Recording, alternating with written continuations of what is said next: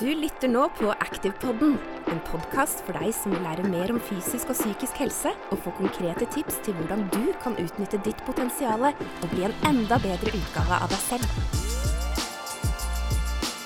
Og hjertelig velkommen til en ny episode av Activepodden. I dag er vi så heldige å ha med oss eh, en av Active Education sine populære forelesere innenfor kosthold og ernæring, nemlig André Baumann. Hjertelig velkommen, André. Takk for det. Takk for det. Eh, Du skal snakke litt eh, med oss om et eh, kjempespennende tema i dag som veldig mange er opptatt av, nemlig vektregulering med fokus på vektnedgang. Men aller først, for deg som ikke kjenner deg så godt fra før, hvem er André Baumann? Ja, blir det en korte eller lang versjon? Du kan velge. Jeg kan velge. Ja. ok, Jeg får ikke plage dere med for lang bakgrunn her. Men jeg kan jo si at jeg har jo en mastergrad i ernæring fra Universitetet i Oslo. Og jeg har en arbeidserfaring med ernæring som hovedsakelig er fra toppidrett, men også litt eh, som eh, lektor. Eller høyskolelektor. Så jeg har jo litt kreti og pleti, kan man si. Men eh, hovedsakelig innen Olympiatoppen eh, på ernæring, eller i ernæringsavdelingen fra 2013 til i år. Eh, jobbet litt med toppidrett og ernæring i toppfotball i Strømsgodset. og Så jobber nå også i Lillestrøm sportsklubb. Eh, og så jobber jeg med e-sport per dags dato. Jobber litt med ernæring der òg, men det er mer som prosjektleder. da. Spennende. Hva er det du brenner aller mest for innenfor ernæring? da? Oi. Skal jeg bare velge én ting? Nei, du kan nevne noen Ja. områder. Nei, jeg, jeg kan si at jeg må si dette med ernæring og styrketrening og muskelvekst har kanskje vært eh, noe av det mest spennende. Og det å regulere vekt opp og ned eh, på toppidrettsutøvere. Så noe av det går jo litt i hverandre, det med, altså det med ernæring og styrketrening. Og muskelvekst og vektøkning opp. Det går jo litt sammen. Og så har vi dette med vektregulering ned. da, Å gå ned i vekt og gå ned i fettprosent, da, som, eh, som man kanskje assosierer det med. da. Det er kanskje de to tingene. Og så En siste ting da, som jeg synes er veldig spennende. Det er dette med kosttilskudd og ergogene stoffer. For der er det så utrolig mye som lages på markedet, som er litt sånn hm, Kanskje ikke alt er like bra. Det var veldig fint at du sa, for, det for du som hører på da, så kan du bare glede deg til at André skal eh, komme tilbake igjen og være gjest i noen senere episoder med fokus på muskelmasse og vektoppgang, og eh, et par episoder knyttet til kosttilskudd også. Det gleder vi oss til. Men i dag så skal vi ha fokus på vektnedgang. Nå har jo det med vektregulering generelt vært et ganske sånn um, en del debattert uh, tema kan du si, i det siste i media, både knyttet til toppidretten, men også generelt. Men vi vet at veldig mange er opptatt av vektregulering, eh, og særlig vektnedgang. Både vi helt vanlige folk og idrettsutøvere har ønske og behov for det. Så jeg tenkte vi kunne starte litt eh, med det i dag. André, du nevnte innledningsvis at ofte så handler vektnedgang om eh, justering av fettprosent. Eller, ja, kan, du, kan du fortelle litt, hva egentlig hva snakker vi om når, vi, når du bruker den tematikken med vektregulering og vektnedgang? Hva handler det egentlig om? Mm. Det er jo et godt spørsmål. Og det blir jo egentlig kanskje aldri udebattert, det temaet der, tenker jeg. Eh, Det kommer jo også ny forskning hele tiden som eh, kan eh, ja, endre på argumentene for eh, hvordan man skal gjennomføre en vektregulering opp eller ned på en god måte. Da. Men for å ta vektregulering og det å gå ned i vekt, så er det jo da hovedsakelig snakk om å miste fettmasse på kroppen. Og mange tenker kanskje da på fettprosent da når man snakker om det. Og fettmasse på kroppen det kan jo måles i både prosent, men det kan også måles i gram da, som regel. Så når man gjør sånne tester på kroppen, da, enten det er en såkalt DEXA-test, som er en slags sånn hva skal jeg si, en sånn røntgenmåling, da, bare mye mindre stråling eh, av kroppen, så får man det ut i gram og prosent. Eller man kan måle det med kaliper gjennom hudfoldtykkelse. Da får man mer enn bare fett i gram. Da får man også med seg huden i tillegg. ikke sant? Så det er mange måter å måle det her på. Og Noen kjenner kanskje seg igjen i det med å måle på SATS eller på treningsstudio, hvor man har sånn impedansmålere som man står på og holder noe i henda. Så måler det da motstand i forskjellig vev i kroppen. Eh, Så det er mange måter å gjøre det på. Men eh, poenget er vel kanskje at når man tenker på det med vektregulering, gå ned i vekt, så er det jo det å miste fett på kroppen. Og I noen unike tilfeller så er det også noen som ønsker å miste muskelmasse òg. Men det er vel kanskje ikke det de aller fleste ser etter. Man vil jo gjerne ha denne idealkroppen kanskje man ser etter, eller for å nå det målet innen idretten man ser etter. Da. Mm. Og da er det kanskje da fettmasse det er snakk om da, man ønsker å miste.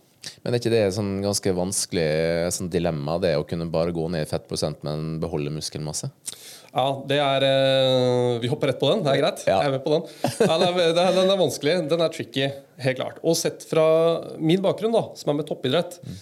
så er det kanskje også noe av det vanskeligste man jobber med innen vektnedgang. Og det er fordi det er så mange faktorer som påvirker dette med en suksessfull eh, vektnedgang. Hvor man da beholder mest mulig muskelmasse som kanskje er ønskelig, og da kun gå ned i fettmasse.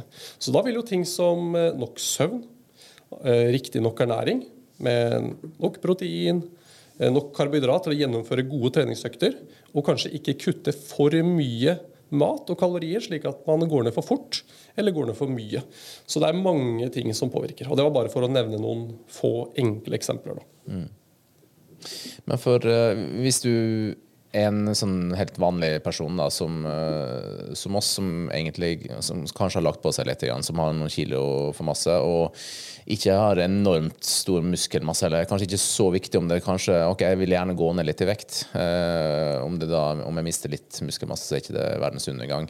Eh, men jeg vil primært gå ned i vekt, og det tenker mange på at jeg ønsker å, å gå ned i fettprosent også, selvfølgelig som en del av det. Men, men for, for, oss vanlige, da, hvis ikke du er toppidrettsutøver, der du er avhengig av å beholde muskelmassa di, hvordan skal man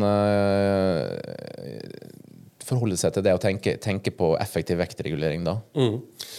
Det er et godt spørsmål. Jeg tenker det at uh, Utgangspunktet her må jo være at man er en normalt frisk person. Fordi det er jo litt andre retningslinjer kanskje for de som har en sykelig overvekt. Mm. Uh, og da burde det jo følges opp uh, klinisk. At man får en hjelp fra sykehus eller lignende, eller klinisk ernæringsfysiolog. Men for normalt sunne, friske personer da, så tenker jeg essensen bør jo være det samme. Dvs. Si at man prøver å gå ned i vekt på en så forsvarlig og sunn måte som mulig. Og at man kanskje har det som mål å beholde så mye muskelmasse som mulig. Og Grunnen til det er jo fordi at muskelmasse er jo et veldig metabolsk aktivt vev. Det er veldig bra for forbrenninga.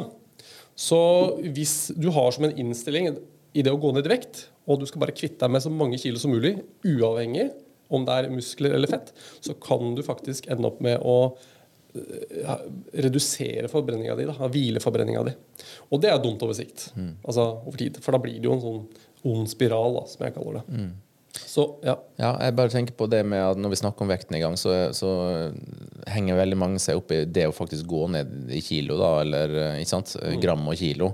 Gå ned i vekt. Men uh, er det liksom feil fokus også med tanke på at hvis du da trener styrke, kan du da klarer du å øke muskelmasse parallelt med at du går ned i fettprosent osv.? Kan du fortelle litt om den problemstillinga der?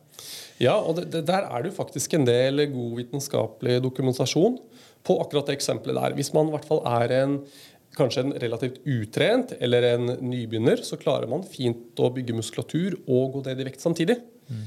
Og det er det kanskje mange som ikke tenker er mulig, da. Men mm. det er faktisk mulig. Mm. Og så er det jo faktisk gjort øh, studier på mer viderekomne utøvere òg. På toppidrettsutøvere, og man ser at det er faktisk i hvert fall mulig å beholde, og kanskje i noen tilfeller øke muskelmassen litt, grann, øh, og fortsatt gå ned i vekt. Men dette blir jo litt komplekst tema, for det kommer også litt an på Er du f.eks. en bodybuilder, da, eller fitnessutøver, eller en som har drevet med styrkespesifikk trening i 20 år, så er det ikke veldig sannsynlig at du klarer å øke muskelmassen ytterligere og gå ned i fett samtidig. For da er grunnlaget ditt på et elitenivå. da. Så skal det mye til. Men for mann i gata absolutt mulig. Og da blir det som du sier, da, å bare fokusere på kiloene kan fort bli en sånn veldig ensidig ting. da. Så det kan være lurt å se litt på styrkeframgangen. da.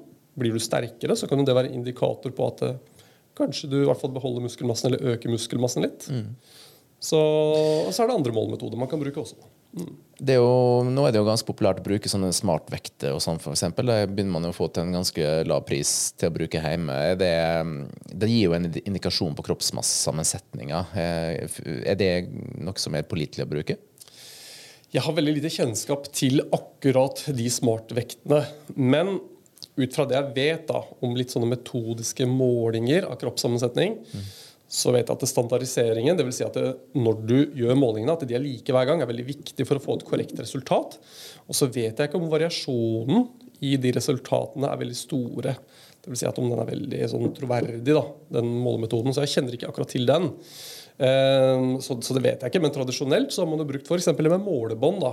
Det er jo en ganske sånn enkel og kosteffektiv metode å bruke. Så f.eks. ønsker du å gå ned i vekt, så kan det være, og du, og du gjerne vil følge det opp selv, så kan det være fint å bruke et målebånd rundt midjen, da, så lenge du vet hvordan du skal måle riktig. Mm. Så omkretsmålinger og styrkeframgang eh, kombinert med vanlig vektsjekking, det er på en måte fine verktøy? For de aller fleste så vil det være tilstrekkelig, altså, uten ja. å måtte gå liksom veldig hardt til verks med mm. andre kostbare metoder. Ja. Bra. Eh, jeg har lyst til å hoppe over på et tema som det har blitt skrevet en del om i det siste, og som er veldig sånn, også litt sånn debattert, føler jeg, på synspunkt på om det, det, viktigste verktøyet og grepet du gjør for å gå ned i vekt, om det handler om det ernæringsmessige, eller, eller hvor viktig er fysisk aktivitet knytta til det. Kan vi, kan vi, snakke litt om, om det? Ja, jeg tenker jo det, det er jo helt klart Hva skal vi si essensielt at du har god fysisk aktivitet ved siden av det med ernæring. Og Et eksempel her blir jo det at eh, som vi om i sted, hvis du ikke trener styrke ved siden av det når du skal gå ned vekt, så risikerer du å miste muskelmassen. Det er jo fryktelig dumt. Og så snakker vi jo også om den der kortsiktige eller skal vi si, den umiddelbare effekten du får av å trene noen typer trening. F.eks. kondisjonstrening, hvor du har den der eh, akutte forbrenninga si, i løpet av den treninga du gjør. Så du, forbrenner du x antall kalorier. Og det vil jo være et supplerende tiltak for å gå ned i vekt mm. på en mer effektiv og raskere måte. Mm. Uh, personlig så mener jeg det at å trene styrke er jo veldig lurt ved en vektreduksjon. fordi da klarer man jo å beholde muskelmassen sin, og det gir en sunnere vektreduksjonsfase da, enn ved å bare kutte styrketrening helt. For da står man i fare for å miste muskelmassen sin. da. Mm. Bra. Ja. Det er fint. Jeg syns vi absolutt fra vår side i hvert fall kan bli enige om det. Om at vi anbefaler definitivt uh, trening og fysisk aktivitet ved siden av uh, kostholdsjusteringen som du eventuelt uh, måtte gjøre. Kan vi snakke litt om kaloritelling og alt det der? det å gå i kaloriunderskudd versus overskudd osv. Er, er det bare så enkelt som det at så lenge du får i deg mindre kalorier enn du forbrenner, så går du ned i vekt?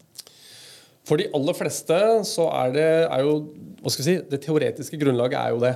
At uh, ligger du i et kaloriunderskudd, så vil du gå ned i vekt.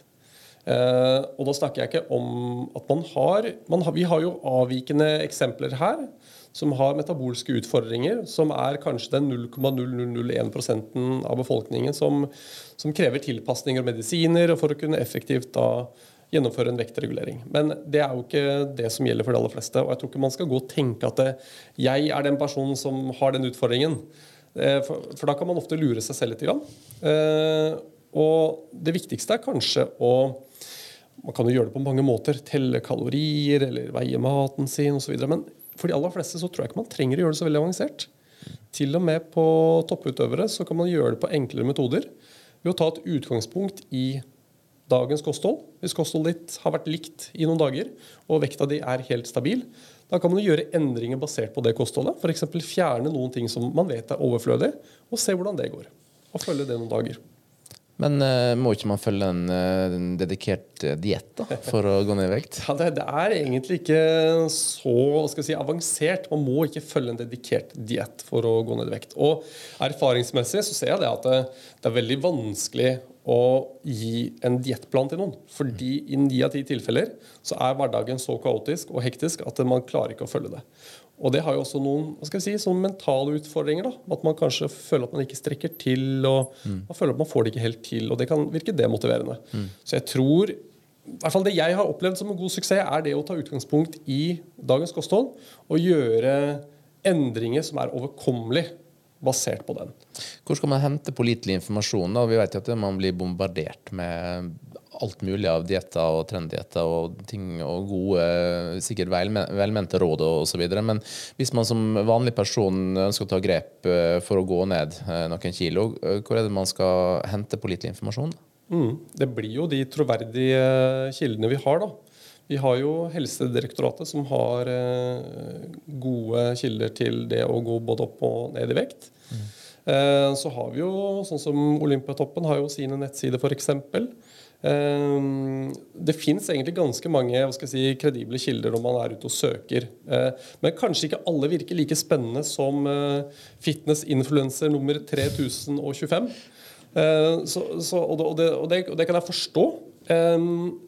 Men det er noe som heter 'det enkle er ofte det beste'. Og det tror jeg gjelder veldig når det kommer til det med å gå ned i vekt. Man må ikke tenke for komplisert. Og det er ingenting som hva skal vi si, Ja, jeg sa at forskningen endrer seg, og det kan komme nye, mm. nye ting som påvirker rådene. Men det aller meste er ganske etablert nå. Så hvis noen sier at de har en magisk formel for å gå ned i vekt, eller et magisk råd, mm. så kan jeg love deg at det er clickbait og mest sannsynlig bare bare sprøyt, altså. Ja. La, la oss, eh, du, du, sa det, André, at eh, det oppdateres hele tida med ny forskning. Eh, også relatert til det med vektnedgang. Eh, men det oppdateres jo også hele tida med ny statistikk, altså befolkningsstatistikk knytta til, til, både alder og vekt og alle disse her grafene og statistikken rundt det. Og så ser vi at det, både globalt og i Norge så er, så er, jo liksom, trenden er jo ikke akkurat positiv de siste eh, 10-20-30 åra, og vi ser fortsatt at Eh, at det er en økning i både overvekt eh, og fedme. Eh, hva tenker du som ernæringsfysiolog rundt akkurat det her med at så mange har noen ekstra kilo og er definert som overvektige, eller til og med i fedmekategorien? Mm. Nei, det er jo Jeg tipper det er sikkert gjort en del forskning på det. Jeg er ikke helt kjent med hva den sier om utviklingen. Men man kan jo tenke seg flere ting. For det første så vil jeg tro at man kanskje er litt mindre fysisk aktiv. Eh, vi kan jo bruke de to siste åra som et godt eksempel, hvor eh, kanskje mange fikk den hverdagslige aktiviteten sin å gå til og fra kontoret eller til og fra kollektiven. Det har blitt noe redusert til å gå til og fra kjøkkenet, kanskje, eller til og fra do. Så eh, mindre aktivitet tror jeg kanskje på sikt har vært én ting. Og så har vi jo dette at det har blitt Det er jo stadig vekk et inntak av skal vi si eh, sukkerrike matvarer og drikker, som sikkert påvirker en del. Prosesserte matvarer. Eh, jeg vet ikke hva utvikling i norsk kosthold sier om den utviklingen spesifikt, men det, det, er jo helt klart disse tingene i kostholdet som påvirker. da, At vi, vi spiser mer enn det vi egentlig trenger. Og det er kanskje mer sukkervarer, det kan være mer eh, junkfood og disse tingene her. Bestille mer mat, kanskje. Mm. Uh, ja. Ja, enig. Vi, fra vår side her så, så, jobber vi bare med det utgangspunktet at uh, de tallene er et resultat av at folk beveger seg mindre og spiser dårligere. Så enkelt er det jo, uh, som regel. Og så kan det jo helst ikke være en del andre års uh, årsaker til det, mer, mer komplekst og sammensatt enn det, selvfølgelig. Men hvis man prøver å se litt sånn overordna på det og enkelt på det, så er det, er det, jo egentlig det det handler om. og hvorfor er det slik at det, det er så mye enklere å gå opp i vekt enn ned i vekt? Ja, jeg, jeg, tror nok også det er litt sånn Hva skal vi si eh, Individspesifikt, altså individuelt. da, fordi jeg tror nok eh, noen som er naturlig tynne Vi har jo litt sånn genetisk bakgrunn alle sammen. Noen har tendenser til å gå lettere opp i vekt, og noen har tendenser til å gå lettere ned i vekt. Mm. Eh, så noen vil nok synes det er veldig utfordrende også å gå opp i vekt. Mm. Kanskje på lik linje som det er å gå ned i vekt. Men jeg tror nok det med passivitet, som man sier, at man blir sittende veldig mye i løpet av en dag, det gjør at det, eh, det skal ikke så mye til i like stor grad som før, eh, med tanke på det man spiser, at man da kanskje spiser mer enn det man trenger. Mm. Eh, og så har det jo alltid vært det, større produksjon av matvarer som også er lettere å spise mer av. Kanskje ikke mange bruker like mye tid på kjøkkenet og lage seg fullverdig mat. Mm. Og disse tingene her, da. Mm. Så og, ja, jeg tenker at det, det er litt subjektivt òg, da. Uh, dette med å gå opp og ned i vekt. Um, det er klart at det, Men jeg tror at hvis det hadde vært enklere å gå ned i vekt enn opp i vekt uh, Hvis man som menneske hadde vært mer disponert for å gå ned, så hadde ikke så mange vært definert som overvektige. Mm. Men det er klart at det er sånn fra et psykologisk og evolusjonsmessig ståsted, så vet vi jo det at det hjernen vår er på en måte rigga litt for latskap også. ikke sant? Man, man, det er lett at man craver litt sånn usunn, feit og salt mat og så videre, og så eh, heller søke komfort og ro mm. og, og, og spare energi, da, eh, som var, selvfølgelig var viktig. Eh, ut fra sånn, For noen hundre tusen år siden så var det veldig viktig for å i det hele tatt overleve. Brukte du kun energien din på å jakte, jakte maten du skulle få i det, og ellers så slappa du av. Så, men det er klart, nå har vi kommet litt lenger enn det. det eh, men, det men det henger nok litt igjen, og det gjør nok at folk eh, Uh, altså at man det, det, det, er liksom, det, er egentlig ikke din feil at du er lat. da, eh, ikke sant? At du heller vil ligge på sofaen enn enn å gå på treningssenteret. Eller at du heller vil uh, ete litt sånn feit junkfood enn å ete en salat. Det, er egentlig ikke din feil. Det er på en måte rent sånn utviklingsmessig sånn vi er rigga. Da. Uh, så, så, man må Derfor så Det som i hvert fall min uh, take på det her, er, er det at eh, det, man, man, det, krever ganske masse å ta tak i det med vektnedgang for veldig mange. Fordi at det, du blir konstant motarbeida uh, kognitivt. altså Hjernen din jobber liksom imot det, rett og slett. Ja, og så er det én ting til som er viktig å få med. Det er jo det at eh, smaksløkene våre de prefererer jo også mat som er veldig salt og søt. Så, så, det også, med tanke på maten som lages og produseres, så er det jo en, en del feller å gå i. da. Mm. Og det gjør det vanskeligere å spise sunnere hvor maten kanskje ikke smaker så mye. Nettopp. I mange tilfeller. Og, det, og det, her, det, her, handler jo om akkurat det du sier nå, at det, kroppen er på en måte altså Hjernen vår vil gjerne at maten skal være salt og feit og søt og alt det der, fordi at det, det er høy kalori som gjør at du, du, får mer energi eh, på, på, kort tid og kan lagre det. ikke sant? Mm. Men det er klart hvis du dunger på med det og, og lagrer det hele tida, så, så, blir det overskudd. da.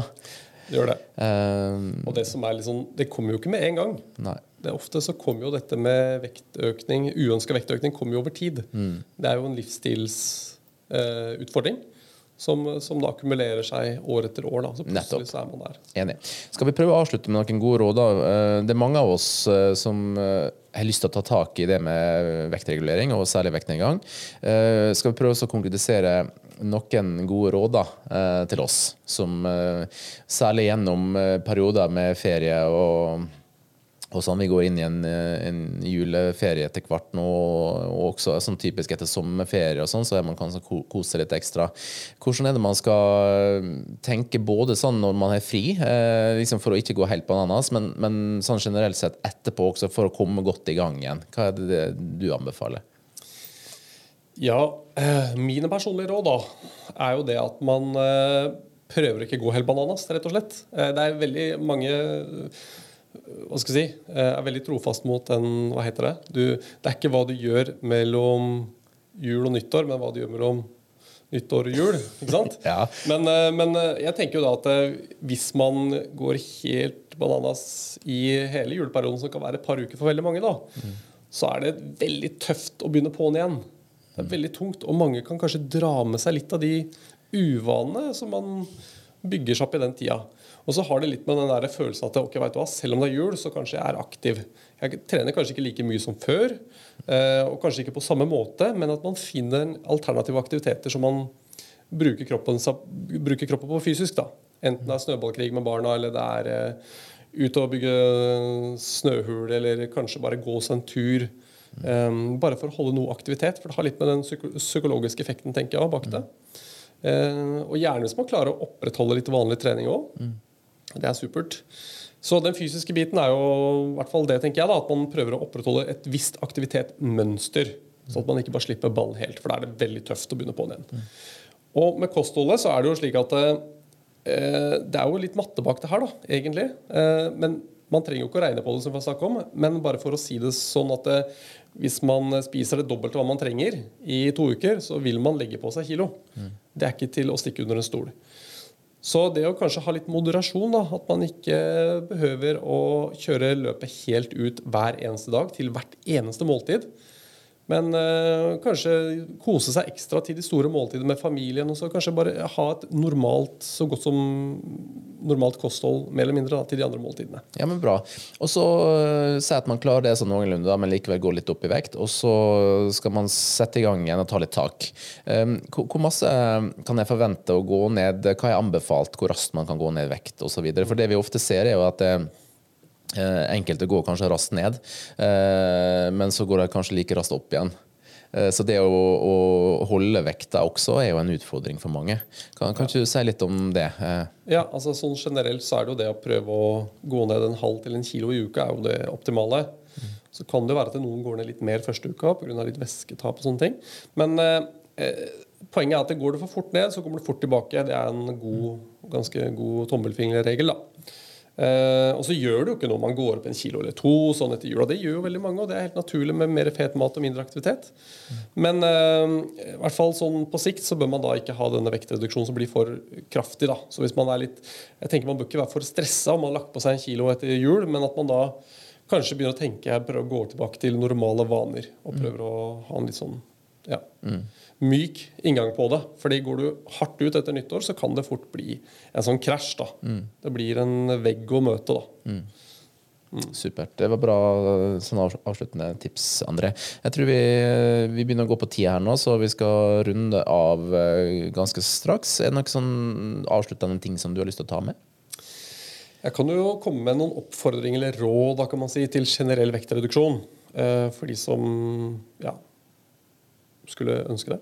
Eh, da tenker jeg at For det første er det kanskje lurt å prøve å spise så mye frukt og grønt. I hvert fall så mye grønnsaker som mulig. Og, og prøve seg å nå disse fem om dagen. da, Som er da 250 gram med frukt eller 250 gram med grønt. Eh, for mange så er det kanskje mye, men eh, man kan gjerne spise mer enn det òg.